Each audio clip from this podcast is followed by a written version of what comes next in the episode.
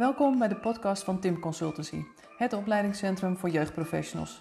Ben jij op zoek naar een passende deskundigheidsbevordering in de vorm van een training, workshop of inspirerende artikelen? Kijk dan eens op de website of op onze social media kanalen. Goed, ik ben vandaag bij uh, Augeo, Marielle. Uh, super fijn dat we samen in gesprek kunnen. Absoluut. Ja, kan je je kort voorstellen aan uh, de mensen die deze podcast luisteren? Ja. Nou, ik ben Marielle Dekker. Ik ben directeur van Augeo Foundation. Inmiddels al uh, een jaar of dertien. Mm -hmm. um, Augeo Foundation is een particuliere organisatie. We zijn eigenlijk een fonds. Dat is een bijzondere plek als je kijkt hè, in de aanpak uh, van kindermishandeling. Um, voordat ik dit ging doen, werkte ik zelf in de kinder- en jeugdpsychiatrie als therapeut. Ik heb als beleidsmedewerker gewerkt in de, de jeugdzorg, mm -hmm. vooral in de tehuizenwereld, de residentiële zorg. Ja. En ik heb als manager gewerkt in de jeugdgezondheidszorg bij de GGD. Mooi. En daar was ik een bureau voorkoming kindermishandeling, nog een van de weinigen die over was uit de oude ja. uh, VKM. Dus, Mooi. Ja, ja, een beetje dus, mijn track record in. Uh, precies, en, en, die achtergrond neem je mee in het werk ja. wat jullie nu hier binnen Okeo doen. Ja, absoluut. Ja. Ik kon eigenlijk met die, ja, die achtergrond uit de praktijk, ja, ervaarde ik het als een enorme kans om juist uh, in een onafhankelijke positie, want dat zijn wij, hè, een, mm -hmm. fonds met eigen vermogen, uh, ja, op een hele andere manier te gaan bijdragen aan de aanpak van kindermishandeling en huiselijk geweld. Mooi. En nou ja, ik hoop dat iedereen jullie in ieder geval kent van de nieuwsbrief die jullie uitgeven, want die altijd inhoudelijk echt heel erg sterk is. Ja. Dus dat is wel mooi. En uh, van de online trainingen over de meldcode. Maar jullie doen nog zo ontzettend veel meer. Ja. Kan je een, een, heel kort een aantal kort. dingen aangeven? Als mensen meer willen weten, kunnen ze dat nog weer gaan opzoeken natuurlijk. Ja. Nou, we, we organiseren ons werk eigenlijk in, in drie programma's. De een is dat we uh, trainen professionals. Mm -hmm. En dat, is, dat noemde je eigenlijk al. We zijn gaan zoeken naar hoe we zoveel mogelijk professionals bereiken met basiskennis. Dat doen we met online module. En die maken we ook zelf met de beroepsgroepen. En daar bereiken we ruim 100.000 professionals per jaar mee. Dus dat is wel een belangrijke tak in ons ja. werk. Uh, het tweede programma noemen we eigenlijk we adviseren beleidsmakers. Dus we zoeken met ja, politici, beleidsmakers in, in gemeenten, maar natuurlijk ook mensen in jeugdhulporganisaties. Hoe je zo, ja, zo goed mogelijk jouw hulpaanbod, jouw zorgaanbod kunt vormgeven voor deze doelgroep. Daar hebben we een ja. onderzoek voor gedaan de afgelopen jaren. Nou, daar gaan we het vast uh, straks nog wel over hebben. Mm -hmm. Maar waarin ruim een kwart van de gemeente heeft meegedaan. Samen met het Verwij Jonker Instituut. En op basis ja. daarvan ja, maken we ook weer veel leerproducten. Adviseren we uh, ja, beleidsmakers. Mm -hmm. En in het derde programma, dat noemen we Veerkracht versterken en steun ja. voor kinderen. En daarin ja, stimuleren we eigenlijk heel erg dat uh, kinderen die nou, thuis in de knel zitten, ouders, steeds meer steun ervaren in hun omgeving. En dat doen we met verschillende mm -hmm. uh, projecten, waarin soms heel direct zelf steun bieden, wel via professionals. Um, mm -hmm. Maar ook bijvoorbeeld steun organiseren met het Handle with Care project. Mooi. Ja, ja. En door alle pijlers heen vinden we het heel belangrijk, want daar kennen jongeren, mensen ons misschien ook wel van, dat we jongerenparticipatie vormgeven. En eerst hadden we dat nog als vierde programma, de Jongeren ja. Taskforce. En later zeiden we van nee, het moet eigenlijk door al die pijlers heen zitten. Dus als mensen die zich afvragen waar zit nou de Jongeren Taskforce, die zit ja. dus eigenlijk in al die drie programma's, omdat het voor ons een uitgangspunt is in ons werk. Ja. Je wilt die stem van de jongeren overal hoort die te klinken. Ja, ja die hoort mm -hmm. bij onze eigen werk. En we zoeken ook ja. van hoe, hè, hoe kunnen jongeren meedenken in wat we maken. Mm -hmm. Bij de leerproducten. Ja. Wat we adviseren. Maar ook in wat, wat in het steunprogramma. Wat ervaren jullie nou als steun? Wat had je willen hebben? Of waar ben je nou juist zo goed van opgeknapt? Wat heeft je nou zo geholpen? En Super waardevolle informatie. Wat jongeren zelf natuurlijk alleen maar kunnen aangeven. Ja, ja. ja precies. ja. En, en waar is dat idee vandaan gekomen? Dat jullie echt die stem van de jongeren zelf willen horen? Ja, nou kijk, ja, ik voel me een beetje oud als ik dit zeg. Maar uh, als je, toen we 13 jaar geleden, toen waren we eigenlijk waren ja. we net de eerste overheidsprogramma's begonnen hè, rondom de aanpak kindermishandeling. Dat was nog met uh, André Rauwvoet. Ja. En daarvoor was het eigenlijk tientallen jaren stil geweest rondom dit thema. En het viel ons toen heel, ja, we waren daar heel erg blij mee. Hè, want we zien natuurlijk de overheid als ja, primair verantwoordelijk. En als je het kinderrechtenverdrag volgt, dan weet je, juist de overheid mm. heeft op dit thema zoveel te doen. Maar we zagen wel dat de overheid in die, in, in die hele aandacht die werd gegenereerd, nog heel erg weinig plek was eigenlijk voor de ervaring van kinderen en ouders zelf. Nou, dat is wellicht heel begrijpelijk als je dat historisch ziet. Mm. Maar wij vonden het toen ook echt een punt om te zorgen. Hoe kan nou die stem van jongeren meer klinken in het debat, in de Tweede Kamer, op congressen, op, eh, in werkgroepen die werden ingericht, eh, et cetera. En toen zijn Ja. we, zo zijn we de jongeren taskforce eigenlijk gaan oprichten. Mhm. En we noemden het ook wel taskforce, omdat er al zo'n hele mooie volwassen taskforce toen was. Ja, Onder leiding van, eh, van de Laan.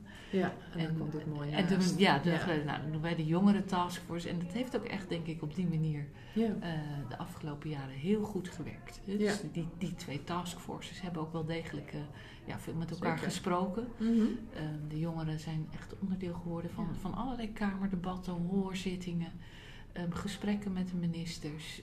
Ehm, ja, daar kan ik allerlei voorbeelden van geven Ja. van wat dat heeft Mooi, opgeleverd, maar ook wat het soms niet heeft opgeleverd. Want Daar hebben we natuurlijk ook wel veel, eh, ja, veel Ja. lessons learned. En nu vind ik eigenlijk dat je juist ziet dat bijvoorbeeld het huidige eh, actieprogramma heeft als een eigen spiegelgroep Mhm. hè, met ervaringsdeskundigen. En Ja. er zijn handreikingen gemaakt over hoe Ja. ervaringsdeskundigen in gemeenten. Ja. ja, er is wel veel meer erkenning voor. Er is veel dat- meer eh, erkenning. Ja, er is echt heel veel gebeurd op dat, Ja. eh, op dat terrein. Ja, mooi. Ja. En je noemde net al het onderzoek. Ja. Onderzoek, eh, kan je daar meer over vertellen? Ja. Ehm, nou, het, het idee voor het onderzoek is bij ons ontstaan eigenlijk rondom de transitie.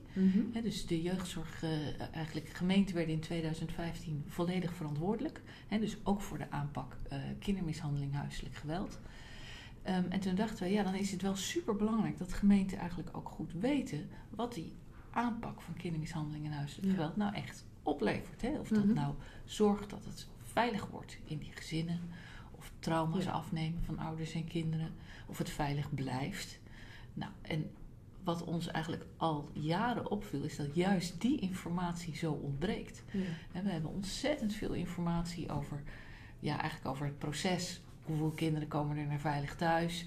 Hoeveel gaan er eh, Mhm. naar links? Hoeveel gaan er naar rechts? Hè? Wie, wie gaat er naar die plek? Wie gaat er naar die plek? Maar niet, wat levert dat nou op? Ja. En er was één onderzoek wat dat voor 2015 wel had gedaan. Dat was het Verwij Jonker Instituut. Die had dat bij de G4 eh, onderzocht. Dus de vier grote gemeenten. En dus ehm, dat was eigenlijk het enige onderzoek waar wij in konden vinden. Mhm. Wat levert nou die hele ketenaanpak op? Maar ja, dat was eh, voor 2015 in, in vier grote steden. Dus ja, mensen zeiden natuurlijk heel vaak tegen ons van ja, maar ja, dat geldt niet voor mij. Ik, eh, ik, ik ben burgemeester van een klein dorp. En, eh, Ja. De grote stedenproblematiek is eh, totaal anders. Mhm. Of eh, dat was voor 2015 en nu hebben wij de touwtjes in handen. Gaat, het het een stuk beter. Mhm. Dan denk ik, ja, maar hoe weet je dat dan? Ja, Ja. ja. nou, dat weet je dus eigenlijk niet. Dus toen hebben we het Verwij Jonker Instituut gevraagd om dit landelijk representatief uit te gaan voeren. Mhm. Dat zijn wij gaan sponsoren. Maar we hebben ook tegelijkertijd met die sponsoring van het onderzoek een heel leertraject ingezet. Want we zeiden ook van, we willen niet dat je dan over drie jaar weet hoe het werkt. Ehm, Ja. Maar dat je dan drie jaar lang eigenlijk stil hebt gezeten om te wachten op die resultaten. We willen juist dat het een levend onderzoek is. Ja. Dus elk jaar is er al heel veel tusseninformatie gepubliceerd. Ja, Maar ook met de, deelnemende gemeenten besproken. In, soms Mhm. in besloten kring. Met wat kan je ermee doen. Ja. Dus uiteindelijk hebben we eh, in een kwart van de Nederlandse gemeenten dat onderzoek, wat ook in de vier grote steden nog liep, Mhm. voortgezet. Waarbij ruim 1100 gezinnen met ouders en kinderen die gemeld waren bij Veilig Thuis, Ja. anderhalf jaar lang zijn gevolgd. ja, dat is ook zo waardevol dat het over een langere periode is Ja. gedaan. Ja, ja, het is echt een, ja, een longitudinaal onderzoek. Ja. Eh, waarin je dus, het vertrekpunt is een melding. Hè, dus dat is een, een melding in het algemeen. Maakt er niet uit van wie die kwam. Van de Mhm. politie of van een, Ja. een Omstander. hulpverlener of een omstander. Het uitgangspunt is een melding. Daaruit is een representatieve groep Mhm. getrokken. Er moesten in ieder geval ook kinderen aanwezig zijn. Het is een onderzoek onder gezinnen. Ja. En dan met 1200 heb je natuurlijk een heel groot, robuust aantal waarmee je begint. En die zijn dan anderhalf jaar lang gevolgd. En dan is er eigenlijk bij alle gezinsleden consequent gemeten. Hoe is het met de veiligheid en hoe Ja. is het met jou? En welke problemen zijn er? Mhm. Ja. En ehm, dan volg je dus eigenlijk welke hulp krijgen mensen nou en wat levert het op op het terrein Ja. van veiligheid en op het terrein van achterliggende problematiek. En ik moet er wel bij vertellen dat uh, uiteindelijk wilden zoveel gemeenten meedoen. Dat, en dat vind ik zelf dan heel Ja. mooi, dat het Rijk, hè, dus de overheid, ook is eh, gaan deelnemen. En eh, een deel hiervan voor, voor zijn Ja. rekening nam, waardoor het eigenlijk een driemanschap werd. Dus vier grote steden, um, Augreo Foundation als onafhankelijke partij en het Rijk. Ja. Waardoor we eigenlijk nog beter zeiden: Goh, straks weten we met elkaar, Mhm. het Rijk als stelselverantwoordelijke, de gemeente als degene die dat, hè, een gedecentraliseerd stelsel, die verantwoordelijkheid dragen. En wij als onafhankelijke partij die zich, Ja. ja, wij voelen ons de, belangen, eh, de behartiger van die kindbelangen. eh, weten we straks echt veel beter. Wat levert het nou op? Wat levert het nog niet op? Wat gaat goed? Wat gaat nog niet goed? Ja, en dan hoop je ook dat wanneer de overheid daarin mee, meedoet, dat ze zich ook committeren aan de uitkomsten en daar ook gedreven zijn om daar Ja. mee te gaan doen. Ja, nou ja, en dat is denk ik de, de afgelopen jaren juist zo mooi gegaan. Ook omdat de overheid weer het Geweld wordt nergens thuis programma eh, Mhm. eh, begon. Toen waren we eigenlijk al begonnen met het onderzoek. Toen kwam het Geweld wordt nergens thuis programma. En toen hebben we dat eigenlijk heel mooi in elkaar kunnen schuiven. Dat de regio's die al onderzoek deden, dat daar juist de regionale projectleiders van het overheidsprogramma weer heel nauw bij werden betrokken. Ja. En ja, je ziet natuurlijk toch dat je. Ik geloof ook zo'n zo'n complex probleem als kindermishandeling, dat kan je nooit alleen aanpakken. Mhm. En dan moet je voor samenwerken. ja. En dat geldt zowel in de praktijk als op dat beleids- of op het Zeker. managementniveau. Ja. Ja. Ehm, Ja, dat, dat merk je op de, op, onder de jeugdprofessionals ook. Van, van hoe belangrijk dat is dat je gewoon af en toe kunt sparren met iemand van een andere organisatie, met een andere blik Ja. of met andere kennis, andere Ja. informatie. absoluut. Ja, en je hebt, eh, dat is een van de uitkomsten, daar komen we natuurlijk vast wel zo op, maar dat is natuurlijk dat er eh, bijna altijd sprake was van multiproblematiek Ja. in de gezinnen. Ja, en dan weet je dus al per definitie, eh, ben je dan, kan, kan jij dat niet in je eentje? Ja, en, dus, en, en, en als je dan dat gedeelde belang van veiligheid met elkaar hebt, Mhm. en dan moet je ook nog met elkaar sparren over wat zien wij dan Ja. als veilig, wat zien we dan als onveilig, wat is jouw aandeel in ja. eh, het meerealiseren van veiligheid wanneer jij werkt aan nou ja, een verslaving of aan armoedeproblematiek, et cetera. En hoe komt dat weer bij elkaar? Ja. Maar ja, dat betekent dus ook dat al de, hè, dat, dat in de lagen daarboven, binnen in het gemeentehuis en op de verschillende ministeries, die kookpijlers net zo goed bij elkaar moeten Ja. komen. Zeker. Ja, en, en dat je inderdaad ook voelt van, goh, we hebben hier al met elkaar een bepaalde verantwoordelijkheid in. Ja. Ja. Waar we allemaal iets in kunnen bijdragen. Ja. Ja. Ja. Ja, nou ja, en ik, en ik vind dat we met elkaar een verantwoordelijkheid hebben om ehm, te meten en te willen weten eh, wat, het op, wat, het, wat het oplevert. Ja. De impact. En niet alleen de, eh, de output. Mhm. En met output bedoel ik, waar ik het net over had, hè, dat je, je- we, we, meten vaak heel goed hoeveel cliënten hebben we gezien of hoeveel, eh, welke hulp is er geboden, welke verwijzingen, hoeveel tijd hebben we daaraan besteed. Ja. En dan zeggen we ja, en in die tijd hebben we een effectieve interventie gebruikt. Mhm. Nou, dat is ongeveer waar we, Ja. wat we weten, maar dat is allemaal nog output. Ja. vraagt. En ik wil eigenlijk naar outcome. En zeggen van ja, je moet ook meten wat is het effect van onze Ja. gezamenlijke inspanning. Eh, want dat is waar je het uiteindelijk om doet. Precies. En eh, ja, ik vind dat echt cruciaal. Destijds ontbrak dat heel erg, vond ik, in het gedachtegoed rondom de transitie. Ja, er is nog heel Ja. erg weinig van hoe meet je dit nu echt. Maar ook voor de toekomst Ja. vind ik dat super belangrijk. we zijn nu weer bezig met de herziening van, Ja. een, eh, van het jeugdbeschermingsstelsel.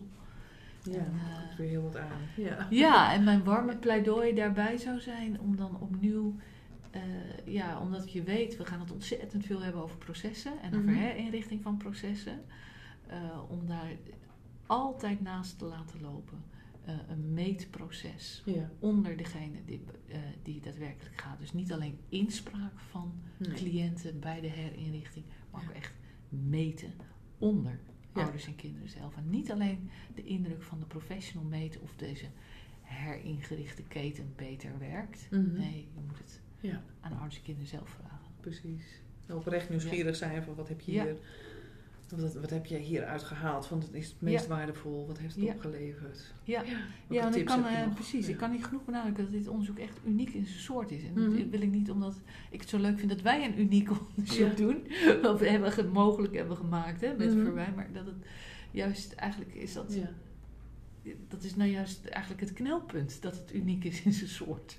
Ja, het is eigenlijk heel erg bijzonder. Ja. Waarom willen we niet weten wat onze cliënten van, van ons werk vinden? Nee, en waarom is het zo moeilijk? Omdat, hè, waarom hebben wij een systeem waarin het zo moeilijk is om daadwerkelijk de outcome in beeld te Ja. krijgen? Ja. Hè, dus dat ik maar rapporten vol krijg over die output. Mhm. Maar die outcome, ja, die- Ja. daar moet ik echt met een vergrootglas naar zoeken. Ja. En wat waren voor jou de belangrijkste uitkomsten Ja, het onderzoek? nou ja, kijk, als je anderhalf jaar lang 1200 gezinnen volgt, heb je echt heel veel uitkomsten. Dus wat haal je daar Dus ik ga er, ja, dus, nou, een aantal. Ja. Ehm, eentje was eh, dat het aantal gezinnen waarin het gaat over ernstige mhm. multiproblematiek, vaak in combinatie met GGZ, zo Ja. ontzettend veel groter is onder de gemelde gezinnen bij Veilig Thuis. Hè, want Mhm. Daar hebben we het over. Dan velen dachten. Ja. En eh, denk je, ja, waarom is dat zo belangrijk? Nou ja, we hebben ons stelsel zo ingericht hè, dat als er gemeld wordt, dat wordt ingeschat eh, ehm, hoe ernstig is dit Mhm. en heb je lichte of zware hulp nodig. Ik chargeer het even een beetje Ja. eh, simpel. Hè, maar dan, eh, daar liggen veronderstellingen aan ten grondslag dat er wel een heleboel mensen met lichte vormen van hulp Ja. geholpen zullen kunnen zijn. En terwijl als wij dus naar die instroom kijken, dan denk ik zo. Ehm, Ja.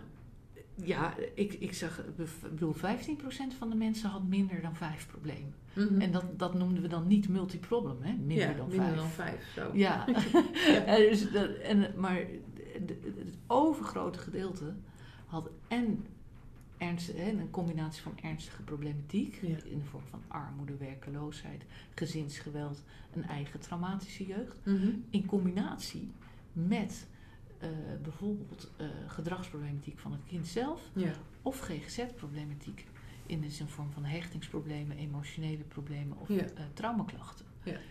Dus dan, dan, dan voel je al, er is dat, hoe, hoe ontzettend gecompliceerd dit Ja, ligt. zeker. En dan was de andere bevinding daarbij dat er bijna geen, geen, geen gezin bijna tussen zat waar het geweld een e- eenmalig incident was. Nee.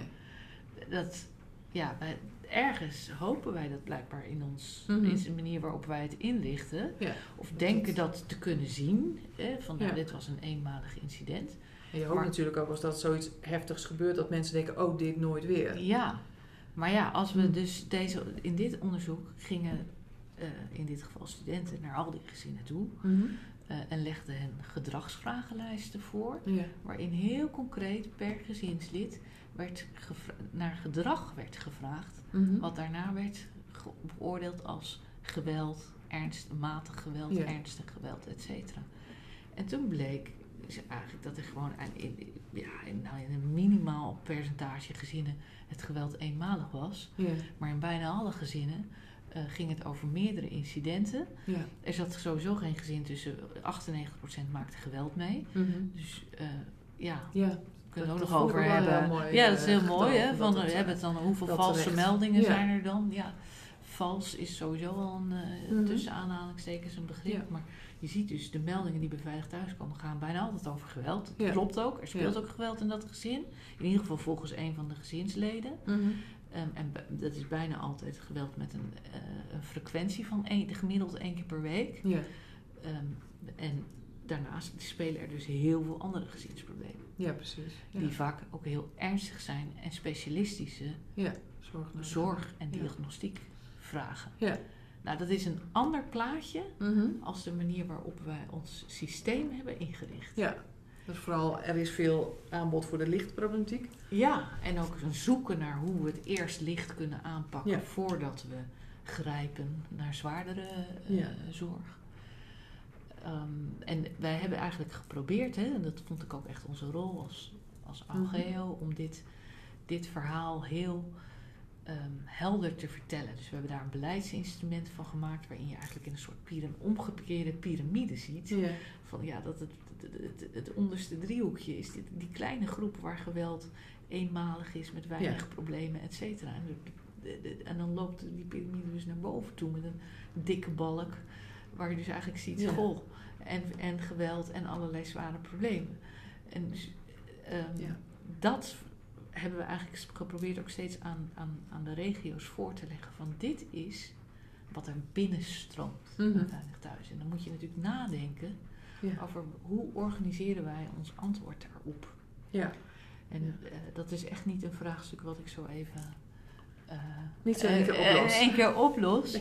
Maar je ziet wel dat je op deze manier het debat voedt Mhm. met feitelijke informatie. Ja. En niet met veronderstellingen over hoeveel lichte hulp er Ja.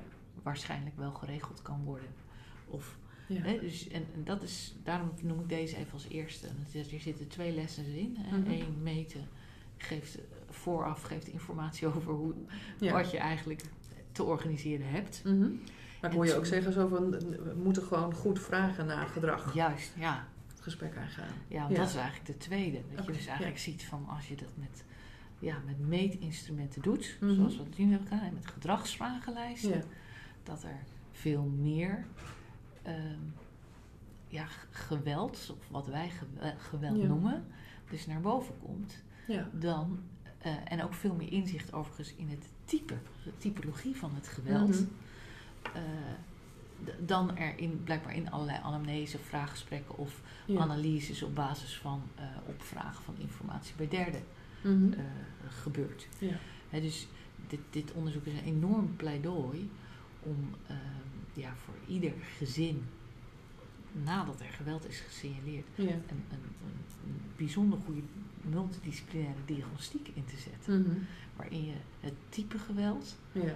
En de frequentie van het geweld met gedragsvragenlijsten bij alle gezinsleden in kaart brengt. Ja. En dat vervolgens ook doet voor de achterliggende problematiek. En Ja. dat je bijvoorbeeld screent op trauma's om te weten waar je vervolgens eh, eh, specialistische diagnostiek rondom die trauma's in Mhm. zit. Ja. Maar ook screent op verslavingsproblematiek om vervolgens specialistische di- diagnostiek daarop in te zetten. Hè, want dat soort dingen kwamen natuurlijk ook eh, tevoorschijn. Een ongelooflijke hoeveelheid ehm, ouders met Ja. alcoholproblematiek, gewoon meer dan 30% En als je dan daarna, en dan nemen we gelijk het vervolgstapje naar de volgende belangrijke bevinding, Mhm. kijk naar het hulpaanbod, Ja. dan zag je dus dat dat vaak eh, ja, niet matchte Nee. met dat wat er eh, aan problemen was ge- geconstateerd. Hè? Dus als 30% ernstige alcoholmisbruik Mhm. of verslaving heeft en 1% heeft maar hulp op dat terrein. Ja. Terwijl je ook ziet dat die alcohol zo'n belangrijke rol speelt in de aard van de incidenten Mhm, en het ontstaan zeker. van de incidenten. Ja, dan, dan voel je een mismatch. Ja. Ja. En, ehm, dit onderzoek geeft een indicatie voor die mismatch. Daar zou je nog, eh, zou je nog eh, veel verder en veel meer naar kunnen kijken.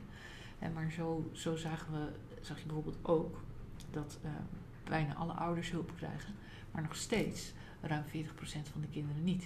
Ja, Terwijl bijna alle kinderen, Ja. of het grootste deel van de kinderen had een vorm van een probleem. Ja. Een, en een vorm van een probleem op een niveau dat wij pas een probleem noemden als het klinisch Ja, scoorde. Ja, dus Ja. misschien een beetje technisch, maar je hebt natuurlijk zo'n van die schalen Mhm. waarop je kijkt naar hechtingsproblemen en naar trauma's en dan is er natuurlijk een grens. Ja. En de grens bij klinisch en subklinisch is als je echt denkt dat dit een kind zodanig belemmert in zijn dagelijks leven dat professionele zorg nodig is. Ja, precies. Nou, en op die, als op die schalen is bij kinderen gescoord, bij heel veel kinderen, Ja. en een ontzettend klein aantal, en van een relatief veel kleiner aantal kinderen kreeg die hulp. Mhm. Waardoor er een duidelijke oproep toch nog steeds is.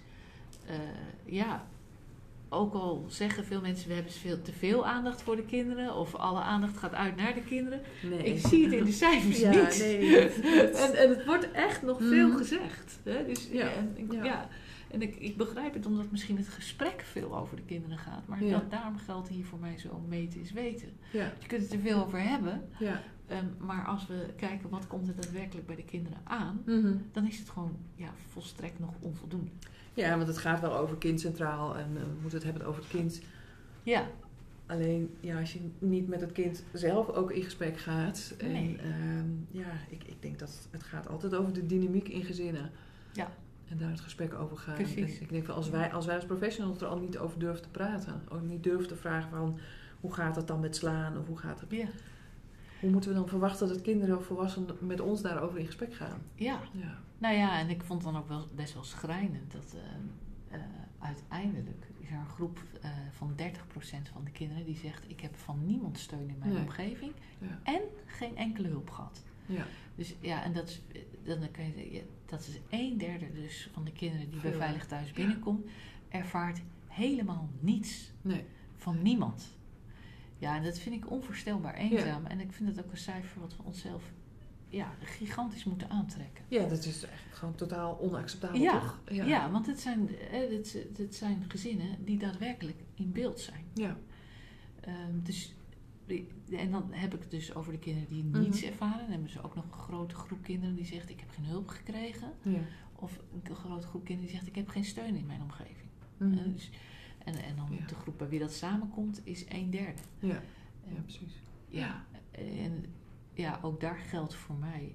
ehm, je moet je systeem zo inrichten Mhm.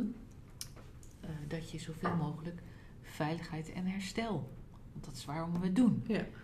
Maar een belangrijke basis voor die herstel van kinderen Mhm. is het ervaren van steun. Ja. Dus als wij met elkaar een systeem organiseren waarin die kinderen die steun Mhm. heel laat krijgen of niet krijgen, terwijl we onze mond vol hebben over netwerkbenaderingen Ja. enzovoort, en dan doen we het gewoon nog niet goed genoeg. En natuurlijk is dat altijd, ja, aan de ene kant. ehm, er zijn ook positieve resultaten, want anders wordt het misschien een te. te- Ja. eh, want Mhm. je, je praat natuurlijk met een NGO, dus dan krijg je altijd de lessons learned. Ja, precies. Waardoor Ja, het misschien. Die zijn ook een, heel belangrijk. En die zijn ook heel belangrijk omdat we een stap verder eh, willen doen. Ja.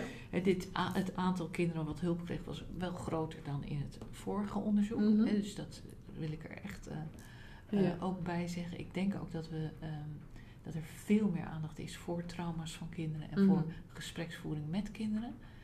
Maar ik, ben, eh, Ja. ja. ik denk dat we het echt nog veel meer moeten Oh, laten vertalen Ja. in iets waarvan wij als we onderzoek doen, dat wij straks dus Ja. dat kinderen zelf zeggen, ja, ik Dan heb, het ik heb Ja. hulp gehad of ik Ja. heb steun gevoeld. Ja, wat je, wat je ook al zegt, van inderdaad durf je serieus te kijken naar familie, vrienden, buren, Ja, mensen in de omgeving die Ja. Ja. een stukje steun kunnen bieden Ja. en kunnen zijn voor de kinderen. Ja. ja, en heb je daar ook, ehm, hè, want het is, ik, ik vind een heleboel van deze dingen zijn geen onwil van Nee, professionals. oh nee. Je moet daar bijvoorbeeld ook gewoon domweg tijd voor hebben. Ja. Hè, en ik denk wel eens, eh, bijvoorbeeld eh, eh, een huidige gezinsvoogd is een, eh, ja, die heeft meer een coördinerende rol. Mhm.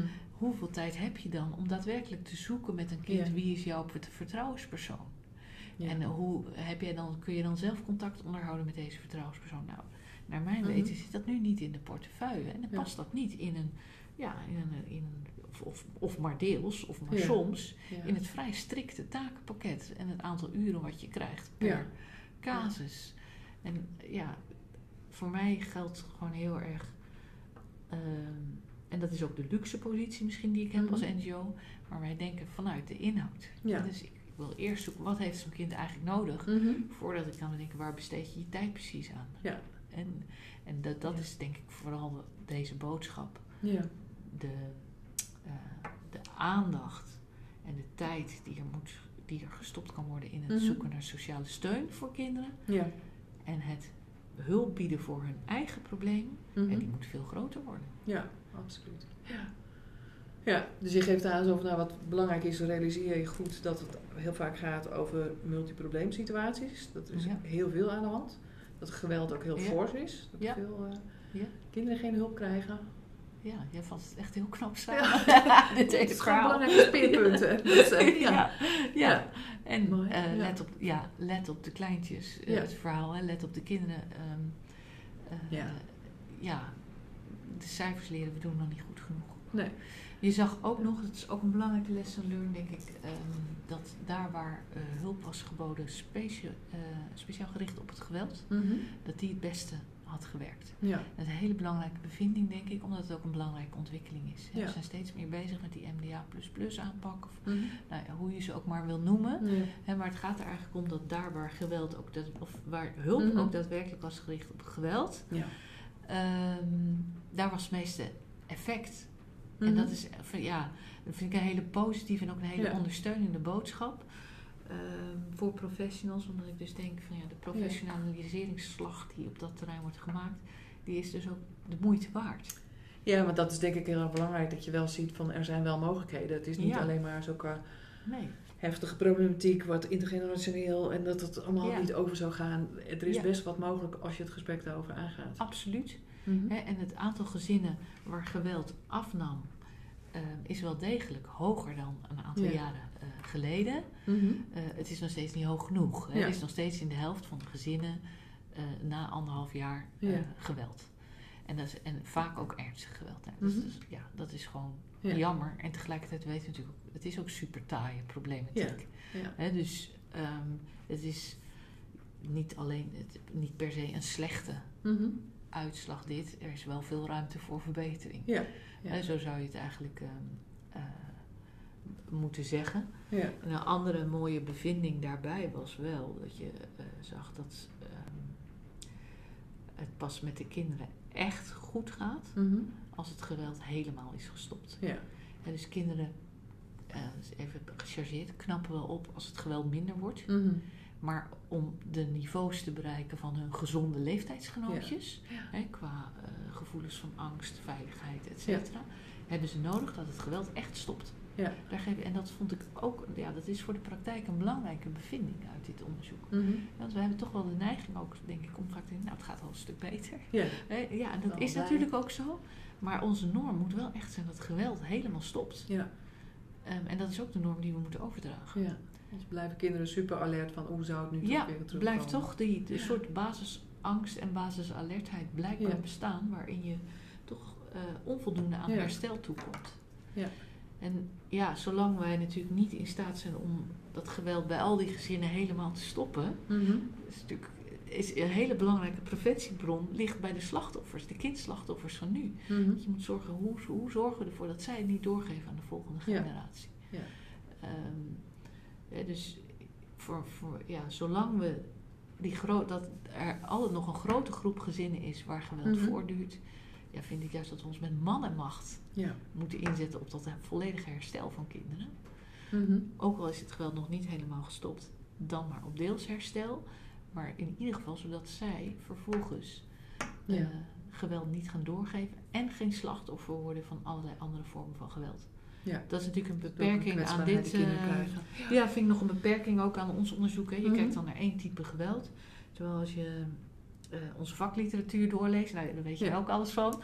Dan eh, weet je natuurlijk dat deze kinderen eigenlijk ook snel, sneller slachtoffer zijn van pesten of sneller Ja. gaan pesten. Mhm. Ook van geweld in de buurt. En vervolgens dan later weer van relationeel geweld. Ja. En dus die polyvictimisatie, zoals je dat dan Mhm.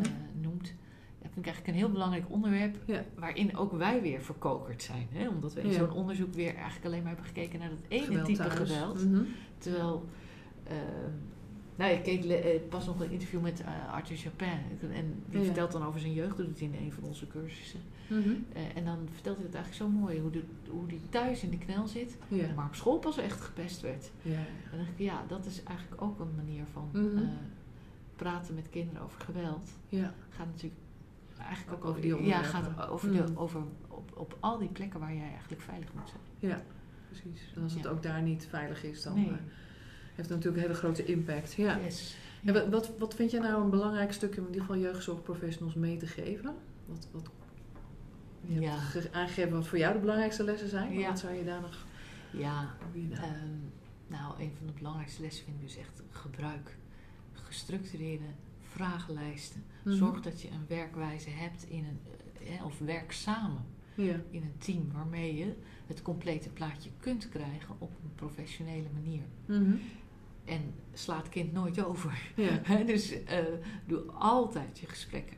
Ja. Ook met de kinderen zelf. En richt je daarbij ook op steun en hulp voor het kind zelf. Ja. Maar ook dus op die sociale steun. Op veerkracht versterken. Omdat je weet Mhm. dat het geweld niet zo snel zomaar helemaal gestopt is. Ja. Eh, ehm, Ja. ja, vind, de- Ja. vind ik eigenlijk de benadering om zeg maar, de veerkracht van kinderen te versterken. Ja. Ten tijde dat dat geweld nog voortduurt of dreigend in de lucht hangt of Mhm. vermindert, maar nog niet gestopt is. Er nog veel andere problemen zijn. Ehm, ja, dat ook een hele belangrijke insteek. Ja. En dan denk ik, hè, want het is wel dat ze dan zeggen van goh, je, je kan naar juf toe of je kan daar, maar ook zorgen dat mensen Ja. de volwassenen initiatief nemen om naar het kind toe te ja. gaan. te Dan moet je vragen. eigenlijk zelf natuurlijk ook naar de juf zijn gegaan. Ja, ja Dat is tegen even- je zeggen, goh, Ja. vraag dan ook af en toe echt Ja. even. eh, ja, zodat het een, gemene Ja. deler is. Hè? Dus echt dat je met het kind hebt gesproken, naar wie zou jij graag toe gaan? Ja. Wie is voor jou die belangrijke Ja. persoon? Ja. En zou het helpen als we er samen een keer mee praten over wat ik nu weet van jou thuis? Precies. Zo, nou, Mooi. ja. Ja, ik denk dat dat inderdaad een hele mooie is om, eh, om mee af te sluiten voor vandaag. Yes. Ja. Superleuk om zo samen in gesprek te gaan. Ja. Ja, het is wel weer waardevol om, om ook voor jou te horen van hè, wat zijn de uitkomsten van het onderzoek, wat wil je eruit lichten. Ja. Want eh, wat je al zei, er zit is, zoveel eh, in. Er zit zoveel in. Je kan, eh, Mhm. Ik kan iedereen aanraden om het hele dikke boek te gaan lezen. ja, ja. We hebben wel, om het makkelijker te maken, misschien kan ik dat wel aanraden. Er zijn, er zijn ook korte powerpoints gemaakt van de bevindingen per, eh, per thema, wat ook wel ja, wat, wat meer de cijfers erbij geeft. eh. Precies. eh, De mooie infographics. eh. En infographics, ja, die vind je, we hebben een gespreksinstrument en daar vind je denk ik dit wat, Mhm. in wat hapklare ja, eh, brokken. Ja. Met ook vragen waar je als professional zelf over na kan denken. Want ja, ik, ik Ja. kan er nu maar een paar noemen, maar je moet eigenlijk natuurlijk zelf nadenken van wat, wat, kan ik met Ja. deze Ja. bevindingen. ja, En die, afhankelijk van jouw positie is dat natuurlijk ook steeds ja. anders. Ja, en ik denk de, de titel van het onderzoek, eh, kwestie van lange adem, die, die Ja. zegt natuurlijk ook wel iets Ja. over je moet erbij blijven, je moet in gesprek blijven, je moet steeds Ja. weer stappen zetten, niet loslaten. Ja. Absoluut. Ja. ja. Mooi, dankjewel. Nou, Dankjewel voor dit gesprek. Ja. En super fijn om zo samen eh, in gesprek te zijn Ja. over dit belangrijke onderwerp. Ja. Oké, dankjewel. Dankjewel voor het luisteren naar deze podcast van Tim Consultancy. Hopelijk was het een waardevol gesprek voor je om naar te luisteren.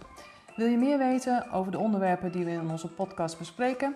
Check dan ook onze social media kanalen of de website van Tim Consultancy voor een van onze opleidingen of trainingen. Heel graag tot een volgende keer en een fijne dag gewenst.